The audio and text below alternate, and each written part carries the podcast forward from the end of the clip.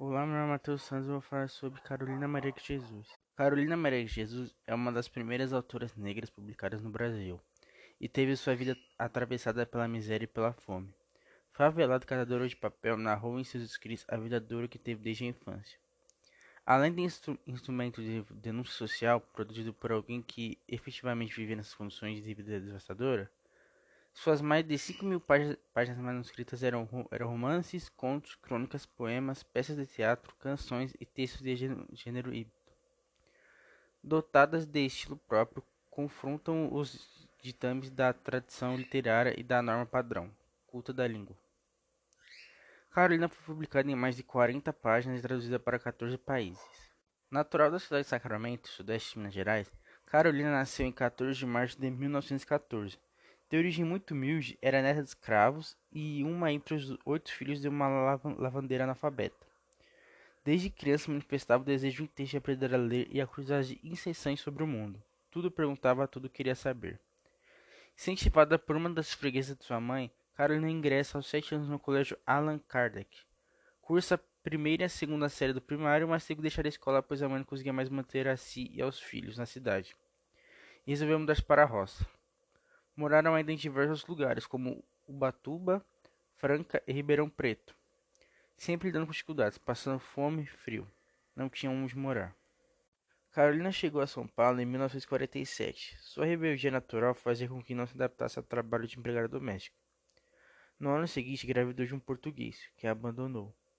Na época, ninguém dava emprego para mãe solteira e Carolina foi morar na rua. Foi então que chegou à favela do Canidé, o governador paulista Ademir de Barros mandara recolher todos os mendigos pelas ruas e despejá-los num grande terreno à margem esquerda do rio Tietê. Construiu seu próprio barraco, onde nasceram seus três filhos, João José, 1948, José Carlos, 1950 e Vera Eunice, 1953, cada um de um relacionamento diferente. Carolina dizia que homem algum ia entender sua necessidade literária, pois estavam sempre às voltas com os livros, os lápis, os cadernos, onde estava tudo o que lhe cercava. Foi no Canindé que seu sonho foi descoberto. Uma jornalista estava no local em busca de material para uma reportagem sobre a favela, que crescia acentuadamente. Viu Carolina ralhando com um bando de marmanjos que não queriam desocupar o parquinho, ameaçando colocar o nome deles em seu livro. O jornalista quis saber que livro era esse e percebeu o talento da escritora publicou alguns dos escritos no jornal e reuniu os outros em Quarto de Despejo, lançado em 1960. A partir de então, Carolina conheceu o sucesso e a ascensão social, sendo convidada para diversas entrevistas e viagens, e virou assunto entre escritores de renome, como Raquel de Queiroz e Manuel Bandeira. Lançou mais dois livros e, ganhou, e gravou um LP, com canções de sua autoria. Foi traduzida para diversos idiomas e conhecida em inúmeros países. Saiu finalmente da favela e mudou-se para uma casa no bairro de Santana. Entretanto, o lampejo de fama durou pouco. Em suas próprias palavras, Carolina tinha virado um artigo de consumo. Alguém que visto com curiosidade, mas descartado depois que a moda passa. Teve de voltar a condições de catadora de papel para garantir sobrevivência. Carolina Maria de Jesus morreu no dia 13 de fevereiro de 1977 com 63 anos, cansada, asmática, esquecida pelo mercado editoral. Morando num sítio em Parelheiros, os livros publicados depois de Corda e Despejo não tiveram o sucesso do primeiro.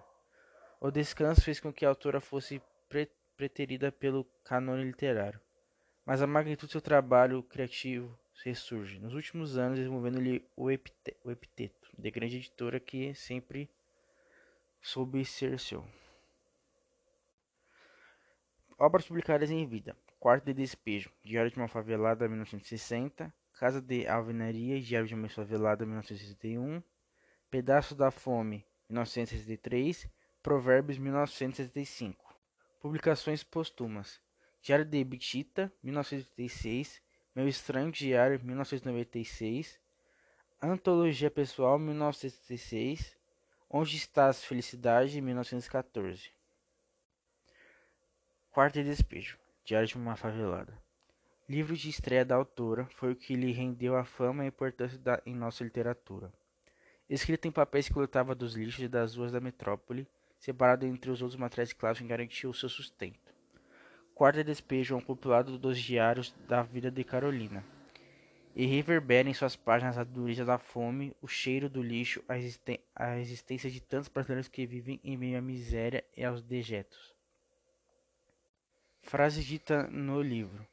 Quando estou na cidade, tenho a impressão que estou na sala de visita com seus lustres de cristais, seus tapetes de veludo, almofadas de cintim, e quando estou na favela, tenho a impressão que sou um objeto fora de uso, digno de estar num quarto de despejo. Ao quarto de despejo destina-se aquilo que não se quer mais, aquilo que se afasta dos olhos, que é descartável, indesejado. O livro revela ao leitor que as, as condições degra degradantes de quem vive da, nas sombras. Um contexto de extrema pobreza na favela de Canindé, onde humanos conviviam com ratos e abutres e o rio Tietê, muito próximos, tantas vezes que inundavam os barracos com lixos e dejetos. A sujeira é um tema constante, junto com a pobreza, a fome e o racismo. Sem dinheiro nem para comprar sabão, Carolina expõe o preconceito existente da favela. Um dos moradores chama-a de preta imunda e vagabunda, desfazendo entre muitos outros exemplos o estereótipo do favelado unido à fraterna. Ela mesma se sente superior por guardar entre seus pertences livros como Os Miseráveis de Victor Hugo, Éramos Seis de Leandro Dumpré, e primaveras de Casimiro de Abreu. E acreditava vingar-se de seus vizinhos porque era petra, preta, favelada e miserável, mas escritora.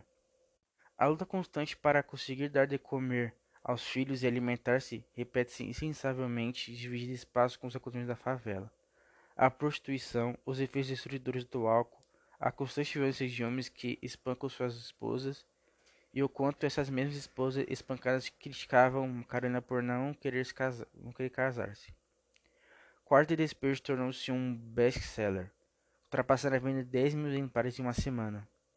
Tendo oito edições no ano de seu lançamento, foi traduzido para 16 idiomas, publicado em 46 países, é um importante meio de denúncia de um Brasil extremamente desigual. Uma tentativa literária de escapar das, da condição de vida sem o mínimo necessário para sobreviver retrata luxo de um país racista, esfomeado, sombrio, que não aparecia na grande mídia. Então esse foi meu podcast, contei a história da